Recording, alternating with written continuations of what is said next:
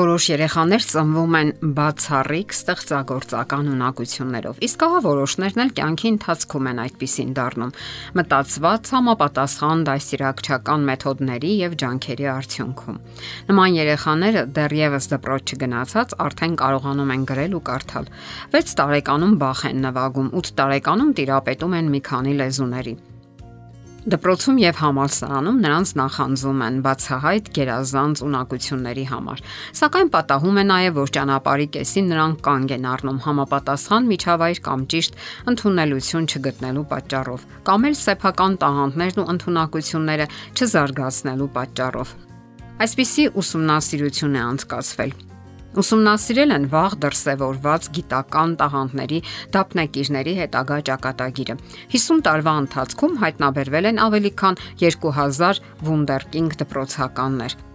Պարզվել է, որ նրանց ընդամենը 1%-ն է հետագայում իր գործունեությունը կապել գիտությունների ազգային ակադեմիայի հետ։ Վերոհիշյալ 2000 դափնեկիրներից 8-ը դարձել են Նոբելյան մրցանակակիր, իսկ ահա մնացածները այդպես էլ չեն իրագործել իրենց ստեղծագործական հնարավորությունները։ Ինչ եք կարծում, ինչ տեղի ունեցավ նրանց հետ։ Փորձելով բացահայտել նրանց տապալման պատճառը, նշում են հետևյալ գործոնները Նախ,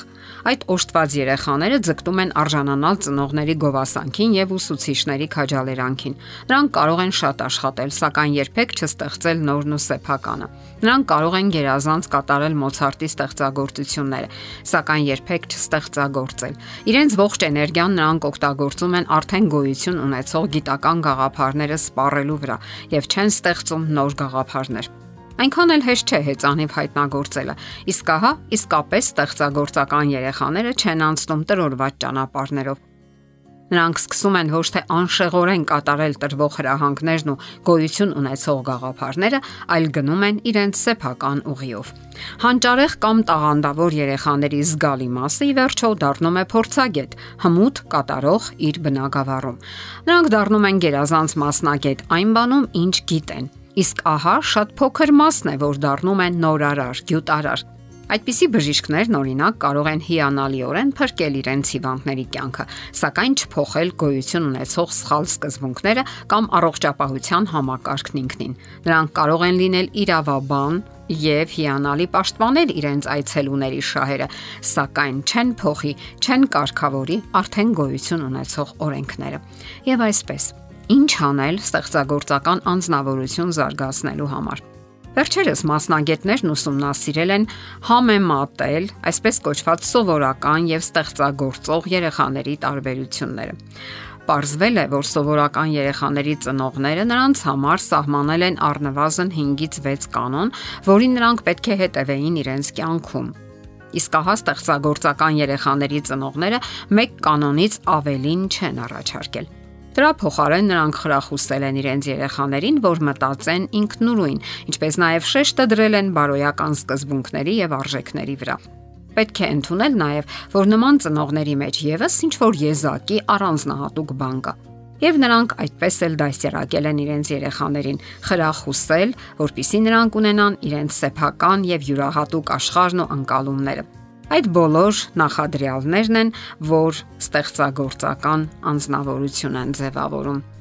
Ամերիկացի հոկեբան Բենջամին Բլումը մանրակրկիտ ուսումնասիրել է նշանավոր երաժիշտների, նկարիչների, մարզիկների եւ գիտնականների վաղ զարգացման առանձնահատկությունները։ Նրան հաջողվել է ողրզել, որ նրանց ծնողները բոլորովին էլ չեն երազել երեխաներին գերաստղ դարձնելու մասին եւ ոչ էլ խիստ վերահսկել են իրենց երեխաների կյանքը։ Ընթակառակը նրանց ծնողները շատ նրբորեն են արձագանքել իրենց զավակների ներքին դրթապաճառներին։ Երբ փոքրիկները հետաքրքրություն են դրսևորել որևէ բանի հանդեպ եւ պատրաստ են եղել զբաղվել դրանով, ծնողները անվերապահ քաջալերել են։ Այդպես է եղել Մոցարտի դեպքում։ Դեռ նախքան դասեր առնելը նա հետաքրքրություն է դրսևորել երաժշտության հանդեպ։ Այդպես է եղել ջազային դաշնակահար եւ կոմպոզիտոր Մերի Ուիլյամսի դեպքում։ Նա ինքնուրույն է սկսել դաշնամուր նվագել սովորելը, այլ ոչ թե ընդհակառակը, հակառակ կողմից։ Հետաքրքիր ուսումնասիրություն է կատարել նաև կանադացի լրագրող եւ սոցիոլոգ Մալքոլմ Գլադուելը։ Նա ձևակերպել է այսպես կոչված 10000 ժամի կանոնը։ Մի շարք է տազոտությունների վրա հիմնվելով նա պնդում է, որ հանճար ոչ թե ծնվում են, այլ դառնում համառ մարզումների շնորհիվ։ Նրա կարծիքով որևէ բնակավարում նշանավոր արդյունքների հասնելու համար անհրաժեշտ է գործնական 10000 ժամ։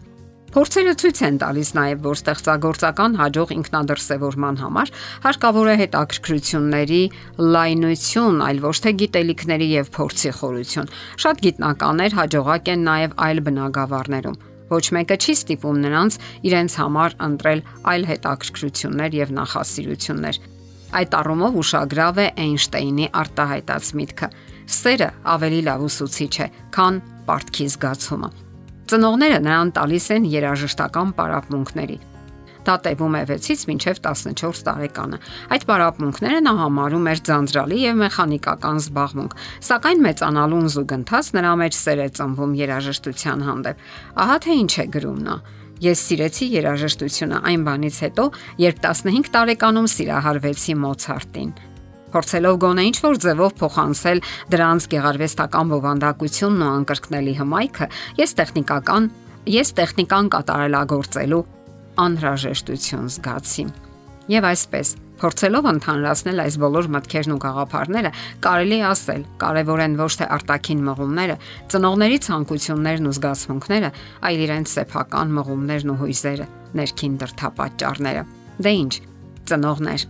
քաջալերեք երեխաներին, որpիսի նրանք գտնեն իրենց կոչումն ու կանչվածությունը, լինեն բարոյական եւ ստեղծագործ անznավորություն, որpիսի турք չտան ընդունված գաղափարներին եւ ամբողային տրամադրություններին, որ գնան սեփական անկրկնելի ճանապարով։ Եվ դա այն է, ինչ սահմանել է Աստված հենց իրենց համար։